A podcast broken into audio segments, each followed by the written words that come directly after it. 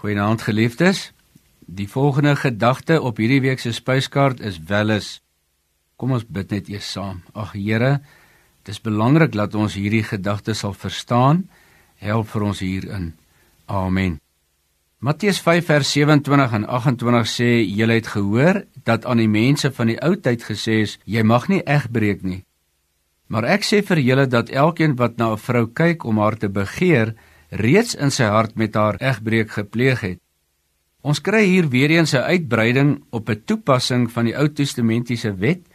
In die ou bedeling was die fisiese daad die oortreding, terwyl in die nuwe bedeling dit 'n hartsoortreding is, 'n verkeerde gedagte wat jy gevoed het en opgebroei het. Wanneer Dawid in Psalm 51 vers 12 sê: "Skep vir my 'n rein hart, o God, en gee opnuut in my binneste 'n vaste gees," dan is sy bedoeling om met 'n skoon gewete vry te kan wees van onreine gedagtes. Nou die begin van sonde word in 'n mens se hart opgewek en baie sonde floreer binne die hart.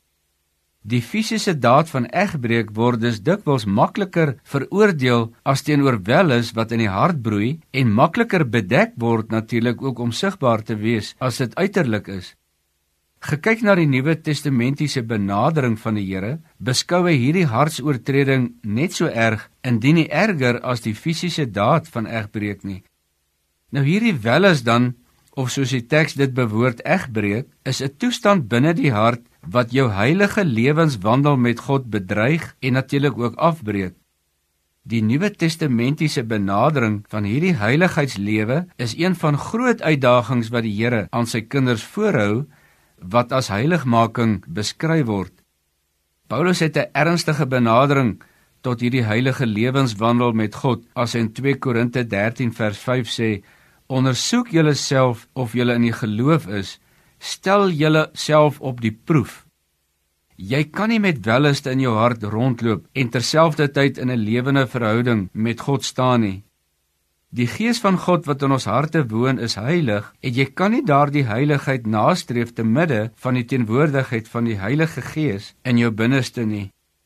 Ons is geskep en gered met die hoofdoel om God te verheerlik en om hom lief te hê met jou hele siel, met jou hart en jou verstand. Mag ek jou vanaand vra: Wees versigtig waarna jy kyk.